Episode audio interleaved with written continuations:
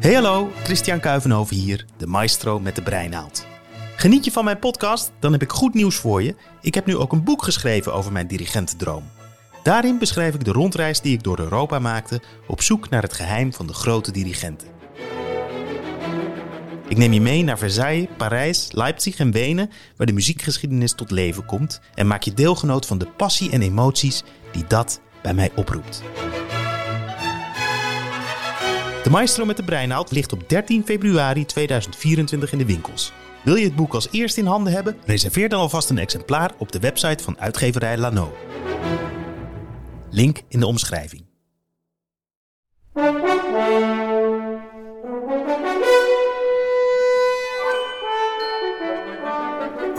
Je luistert naar De Maestro met de Breinaald. Een podcast van mij, pianist en presentator Christian Kuivenhoven, in opdracht van de International Conducting Competition Rotterdam.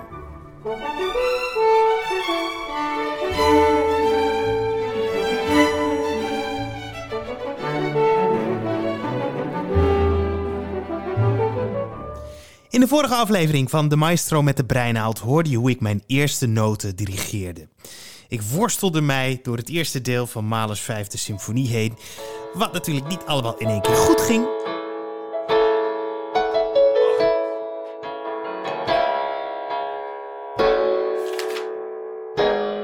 Ja, was ik het even kwijt? Ik was het ook even kwijt. Nee, natuurlijk, dat kan ook niet. Maar het was al wel een fantastische ervaring. Ed Spanjaard en Anthony Hermes, mijn leraren in deze serie, achter de piano en ik achter de lessenaar. En deze sprong in het diepe confronteerde mij direct met mijn gebrek aan basisvaardigheden die je als dirigent moet hebben. Zoals het vasthouden van het tempo bijvoorbeeld, het inzetten en afzwaaien met een orkest, het leggen van je gevoel in de bewegingen die je maakt en om te beginnen alleen al de slagtechniek. The very first mechanical thing a conductor has to master is the beat. A beating time is easy relatively. Anybody can do it. You can do it. In fact, I'll show you how. All you have to know, really, is that music exists in time. And the time, musical time, is divided up into measures, or bars, as they are called. And that each bar is further divided into equal subdivisions called beats, which go at a certain rate of speed.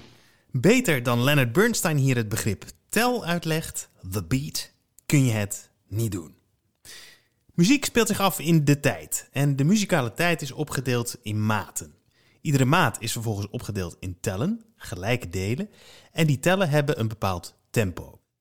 De eerste fysieke of mechanische vaardigheid die een dirigent moet hebben is het beheersen van dat tempo, het beheersen van de tellen in de maat. In het stuk van Mahler dat ik aan het leren ben, heb je twee tellen in de maat. En dat is een van de meest voorkomende maatsoorten. Heel bazaal dus, maar toch kun je daar aardig wat moeite mee hebben. Takatata. Takatata. Dus het lastige van dit deel is dat de tweede slag van ons vaak de meeste pit, kern en scherpte moet hebben. Maar dat hij niet sneller op de volgende 1 mag komen. Dus het gevoel van 1, 2, 1, 2, 1, 2. Takatata. Takatata. En dan krijg je die prachtige ingehouden spanning in het tempo wat jij wil. Maar de tweede helft van de maat mag niet gecoupeerd zijn. Dat is, dat is eigenlijk waar het om gaat. Het is iets wat Ed Spanjaard vaak zal herhalen tijdens de lessen. Dat ik de tweede tel korter maak dan de eerste tel en daarmee dus niet een volle maat dirigeer. En dat kan niet. Als dirigent moet je het tempo zo'n beetje kunnen beheersen alsof je een metronoom bent. Maar ik, ik moet je zeggen, ik heb een hekel aan metronooms. Als pianist oefen ik er vrijwel nooit mee, omdat het volstrekt niet muzikaal is. Geen enkel klassiek muziekstuk volgt een objectief strak tempo. Zou je dat namelijk met wiskundige precisie doen, dan krijg je daar een heel onnatuurlijk en geforceerd gevoel bij. De muziek ademt dan niet, vloeit niet, zingt niet. En erger nog, de muziek zal dan ook niet ontroeren.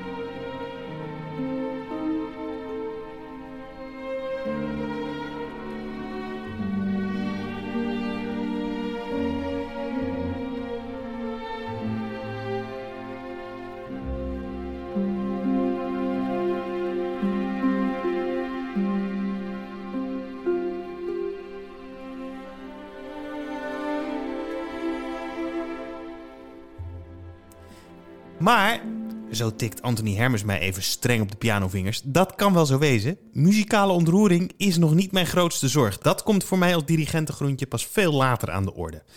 De basistechniek, dat is onze eerste prioriteit. Hoe hoort het allemaal? Hoe hou je alleen al je stok vast? Nou, pak eventjes eh, je rechterhand. Je, je neemt je, je palm van je hand, je legt je stok erin en je sluit hem. Zo, precies. Eigenlijk je, je stok proberen als een soort verlengde van je arm te zien. Laat, laat hem maar eens gewoon even langs, langs je lichaam. Zie je je stok? Die, doe dit. Juist, dit is goed. Ontspannen. Ja, heel goed. Gewoon echt gewoon. eigenlijk kun je het gewoon even voor de grap even tussen als een sigaret zo. Opa. Ja. En dan gewoon. Maar wel als verlengde van je, van je arm houden. Want nou, nou steek je naar de rechterkant. Ja, dat is goed. Heel goed. En dan gaat hij gewoon omhoog. Op. Zo, dat is alles. Ietsje lager. Juist.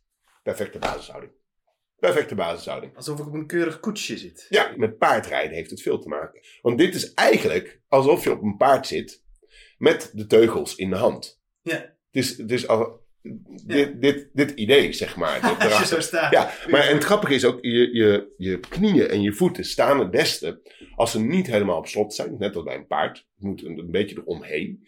Als, het een als je een klein beetje door je knieën zakt en daardoor ook het gewicht van alles, zeg maar, meer naar je achtervoeten. Dus niet dat, maar eerder. Slot. Nee, niet op slot. Gewoon lekker ontspannen. Want dit geeft gewoon heel veel rust aan een orkest. Gewoon. Wat het mooiste is van dirigeren, of je nou 2 meter bent of 1,50 meter. Wij zijn alle twee niet bijzonder groot. Maar jou, jouw lijf is perfect. Daar mankeert niets aan. Eh, Karajan en Bernstein waren alle twee kleiner dan ik. En daar ben je niet van bewust als je hun ziet dirigeren. En ik ben al voor een moderne Nederlander aan de kleine kant. Ja, Maar- je bedoelt qua lengte. Ja, Qua fysiek... eh, Fysiek is waar 1 kleiner. meter, de 1 meter 70, misschien ben je nog wel iets langer dan ik zelfs. ik ben 1,79 of Oh, 78. veel langer dan ik. Ja? Ik ben 1,70. Oh ja, oh, dat grappig. Ja. dan ben ik iets langer dan jij.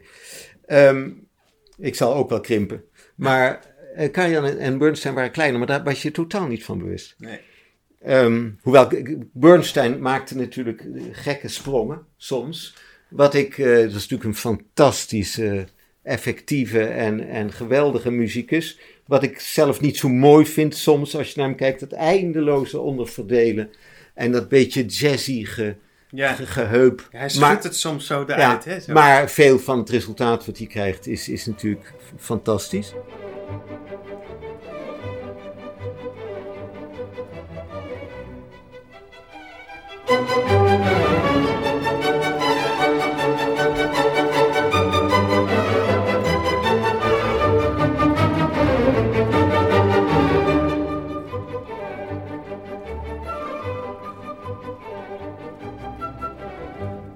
Leonard Bernstein, onze derde professor in deze podcastserie. Niet alleen een geweldige dirigent om naar te luisteren, fantastische pedagoog die alles kan uitleggen, maar ook echt een dirigent om naar te kijken. Zijn bewegingen zijn extreem expressief, soms staat hij bijna te dansen op de bok. Of juist helemaal niet. Hier hoor je hem de Wiener Philharmoniker dirigeren in de 88ste symfonie van Haydn. Of moet ik eigenlijk zeggen, hier hoor je hem niet dirigeren. Want het is een beroemde filmopname die je zeker even op YouTube moet opzoeken. Bernstein staat hier voor de Wiener Philharmoniker en in eerste instantie doet hij niks geks. Zoals je zou verwachten, gewoon met zijn dirigeerstok dirigeert hij dat hele stuk met het orkest. Maar dan besluit hij als toegift het laatste deel nog een keer te spelen. En daar toont hij eventjes de magie van het dirigeren. Toont hij vooral ook eventjes zijn eigen meesterschap. Want hij geeft de eerste inzet van het stuk met zijn stok, maar dan laat hij zijn handen zakken, houdt hij zijn armen langs zijn lichaam. En het enige wat hij nog doet, is zijn ogen, wenkbrauwen en gezicht laten spreken.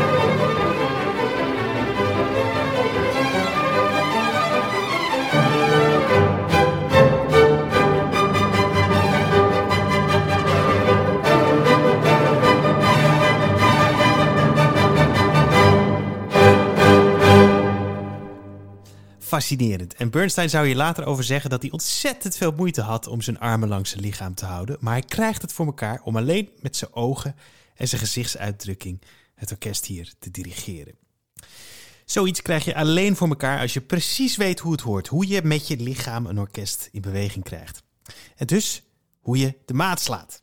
Now, the first axiom of conducting is this that the first beat of any bar must be down, and the last beat of any bar must be up. Simple. Now, no matter how many beats there are in a bar, this is always true.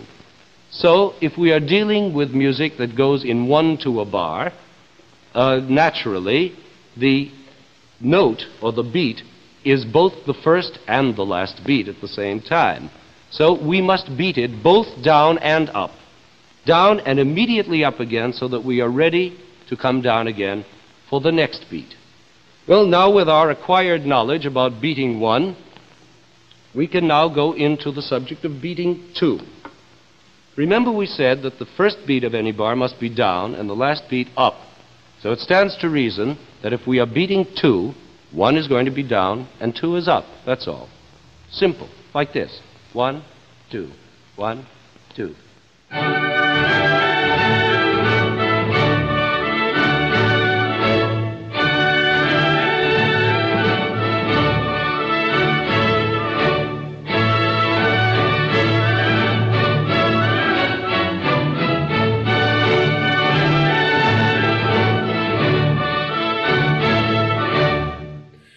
Even met de stok aan de hang. We gaan even klein dirigeren. 1, 2. Kleiner, nog kleiner. Ik wil je even de dimensies laten voelen. Kun je de 1 dit laten doen? Echt zeg maar een super verticale lijn. Ja, inderdaad. Dat, dat is de basis, zeg maar. Ik ga even, ik ga even gewoon naar de basis toe. Hè. Dit is de basis en dan gaat een klein beetje naar rechts. En dan gaat hij weer terug. Hij zwiept een beetje nu zo. En hij moet eigenlijk recht. Ja, die één moet echt als een... In ieder geval, dat is de basis. Hij kan wel een keer zo gaan straks, dat is allemaal niet het probleem. Maar de basis, je moet terug kunnen naar een basis. Net met piano spelen, het is allemaal leuk. eh, je kunt eh, allerlei trucjes doen, maar op een gegeven moment weet je gewoon, de toonladder moet zo. Ja. ja. Juist. Voilà. Dat is hem. Dat is recht. Dan geef je hem een heel klein beetje naar rechts. Juist. En de zwaartekracht ligt, het is eigenlijk net als in de muziek, is 1, 2, 1, 2, 1, juist. En de 2 hoeft niet zo heel ver naar rechts toe. De twee niet te ver naar rechts, maar de één sowieso omhoog en kaarsrecht naar beneden. Daar gaat het om.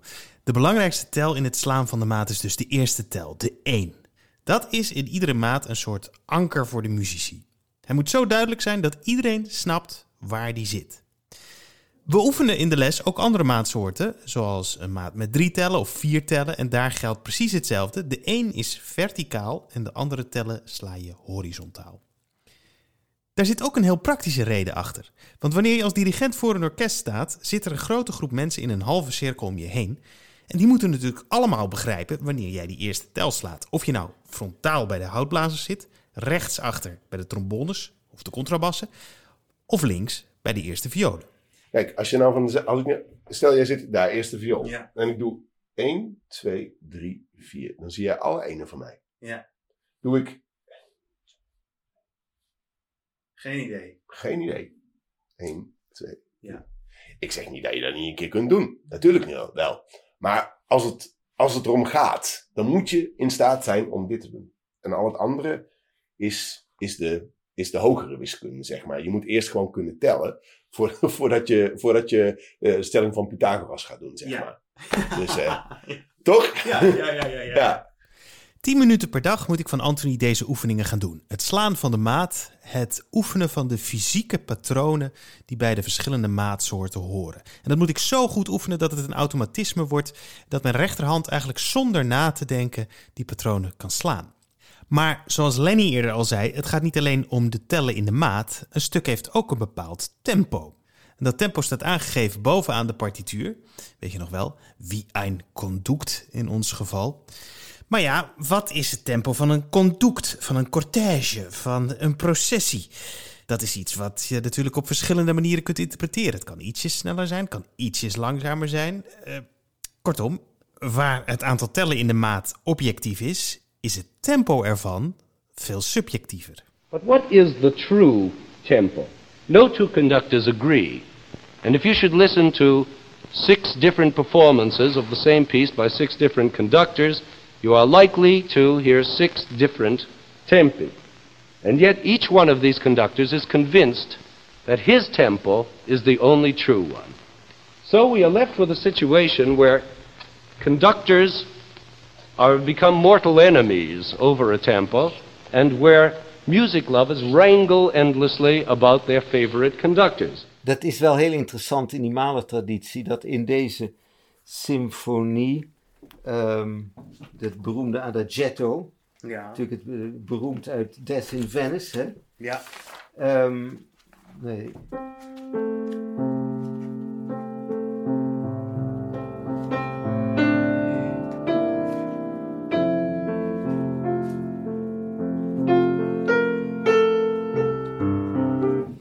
Eh, dat Mengelberg en de andere Mahler kennende dirigenten doen het in acht of negen minuten. En eh, Abado en Haitink die doen er 12 of 13 minuten over. Dus daar is Anderhalf keer zo lang. ja, anderhalf keer zo, lang- zo, zo die- het tempo. Zijn het vijf bladzijden? Ja, eh, Alma Mahler, die niet erg betrouwbaar is, die zegt: eh, Dit was een liefdesverklaring aan mij. En Mengelberg heeft er woorden opgeschreven die daarbij zouden passen.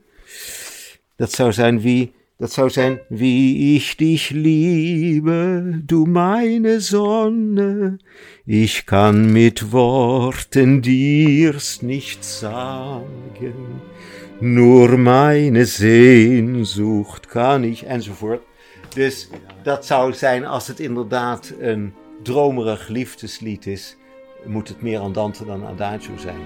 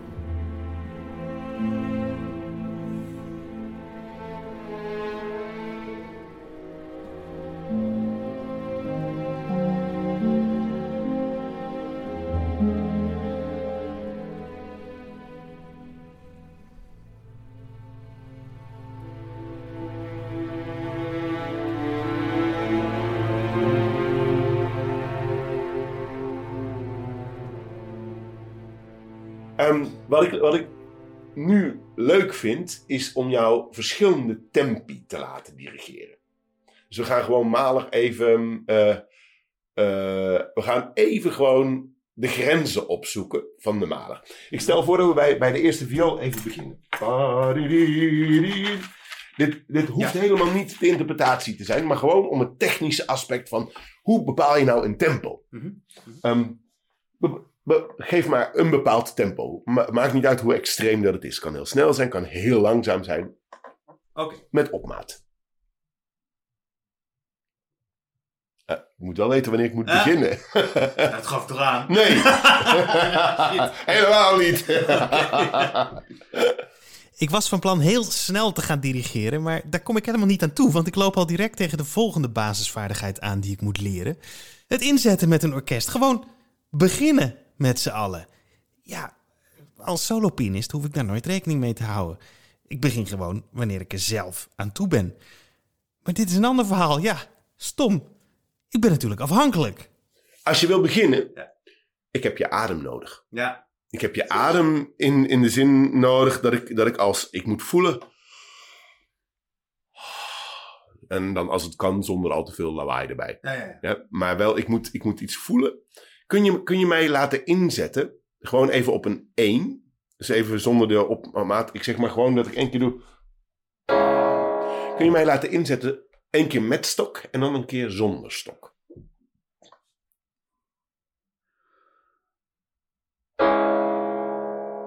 Oké, wanneer is je uitademing en wanneer kom je neer met je stok? Hmm. Momenteel zie ik dit. Ik zie je uitademing quasi nadat je stok is neergekomen. Als je het bij elkaar houdt, ja, dan voel ik namelijk dat ik op je stok, ja, Ja, ja, ja, ja. dat ik daar kan spelen. Ik vind het wel heel wat dat je speelt als ik... Ja, hè? Ik ben wel heel blij Nee, dat je, gaat dat je heel reageert. goed. Het gaat heel goed. Ik wil je gewoon even wat laten voelen wat, wat aan kleuren allemaal kan. Voilà. Goed, andere karakter. Ja, afzwaaien is ook zoiets. Hoe doe je dat? Hoe laat je een orkest stoppen? Ja. Laat maar zien. Oh, oké, goed, Ja. goed.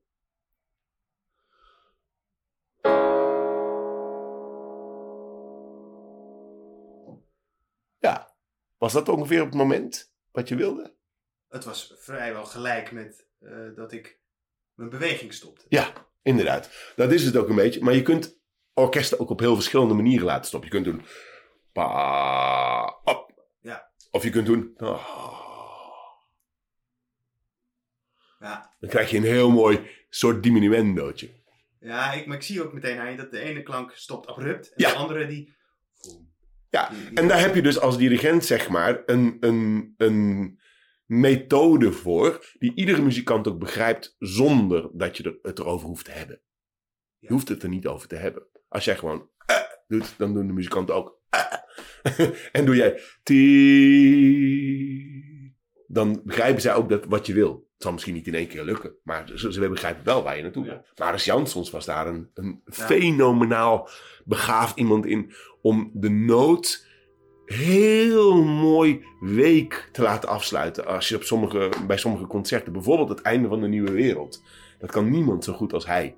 Een groot E groot akkoord. En dan, hij nam het op zo'n mooie manier weg. Dat het diminuendo wat in die noot staat dan ook echt hoorbaar is.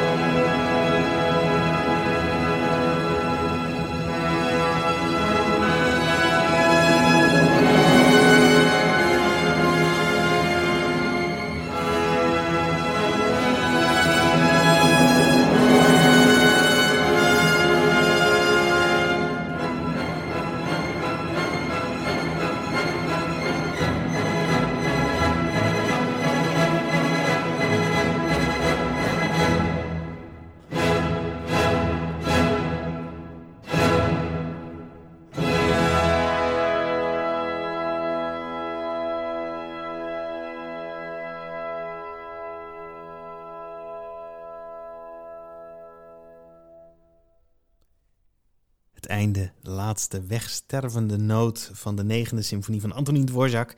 Gedirigeerd hier door Maris Jansons bij het Concertgebouw Orkest. Maris Jansons is een van mijn andere favoriete dirigenten. Hij is helaas in 2019 overleden, vrij jong, 76 jaar nog maar. Maar in tegenstelling tot mijn andere held Leonard Bernstein heb ik hem gelukkig wel vaak kunnen zien dirigeren. En ik vond het een dirigent met een prachtige motoriek. Met name ook zijn handen, groot, ranke, sterke vingers eraan. Waarmee hij in één beweging een frivole fluitsolo uit het orkest kon toveren. Of de strijkers mee tot bedaren kon brengen. Of het koper kon laten bulderen. Want dat is wat je wil bereiken. Daar moeten je bewegingen uiteindelijk allemaal toe leiden. Niet het slaan van de maat maakt namelijk de muziek. Nee, de dynamiek, de klankkleur, de emoties. Die brengen de magie in de noten. Als jij dat als dirigent tenminste laat zien. Stel je voor dat je een machtige strandbal hebt die je tegen je buik kan klemmen alsof je een, een, een, een kind knuffelt.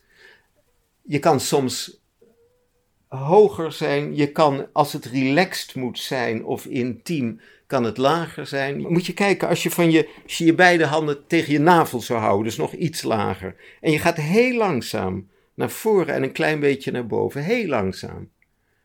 Daar kan je 10 seconden over doen. Ja, schouders zijn altijd laag als je dirigeert en altijd ontspannen. En dan ga je weer terug. Voel eens wat een enorme ruimte en rek daarin zit. Tussen iets wat je echt bij jezelf wil houden, een, een knuffelklank bijna, en iets waar je genereus mee naar buiten gaat. En als jij, wat je nu uitstekend doet, gewoon je, je statuur behoudt, is dat een heel mooi gevoel en effect. En doe nu eens hetzelfde met naar voren buigen. Ja. Dat is eigenlijk. Ja, je adem gaat ook. Je adem gaat omhoog en het, is, het, het geeft een klein aspect van hulpeloosheid. Ik, ik kan het niet alleen. Het is niet nodig. Moet je als een standbeeld staan als je dirigeert? Nee, natuurlijk niet. Doe niet twee maten droog nog een keer. Daar komt hij. En. 1, 2, 1, 2, 1. Ja, goed. Beter. En nou niet met die tweede tel met je hoofd naar beneden. Het is juist de confrontatie willen en durven aangaan. Van die kracht die je op los maakt. Dus het is 1, 2, 2, 2, wam. Ja, je, je, je moet zelf voor het vuurpeloton durven staan. Je, je maakt die kracht los en die, die wil je ook kunnen verdragen.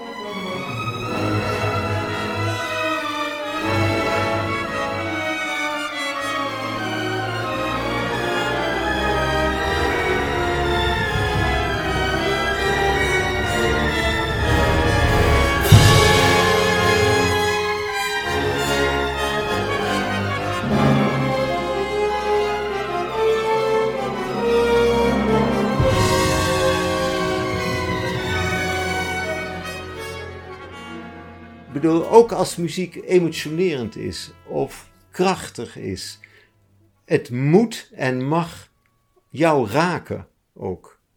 Eh, als, het, als het heftig is, als het aangrijpend is, als het liefdevol is. Je, je, je moet je openstellen om een spiegel te zijn van die gevoelens. En je moet ervan op aankunnen dat je je zowel in de materie begeeft met hart en ziel, maar er op een bepaalde manier ook buiten staat. Ik bedoel, eh, zelfs stukken die je ontroeren tijdens een uitvoering, ga je niet huilen als dirigent. Ik heb het wel eens een enkele keer op een repetitie dat iets me emotioneert en, en dat laat je op een uitvoering niet meer toe. Ja. Dat, dat, dat, dan, dat is het gevaar van sentimentaliteit zou kunnen dreigen. Ja.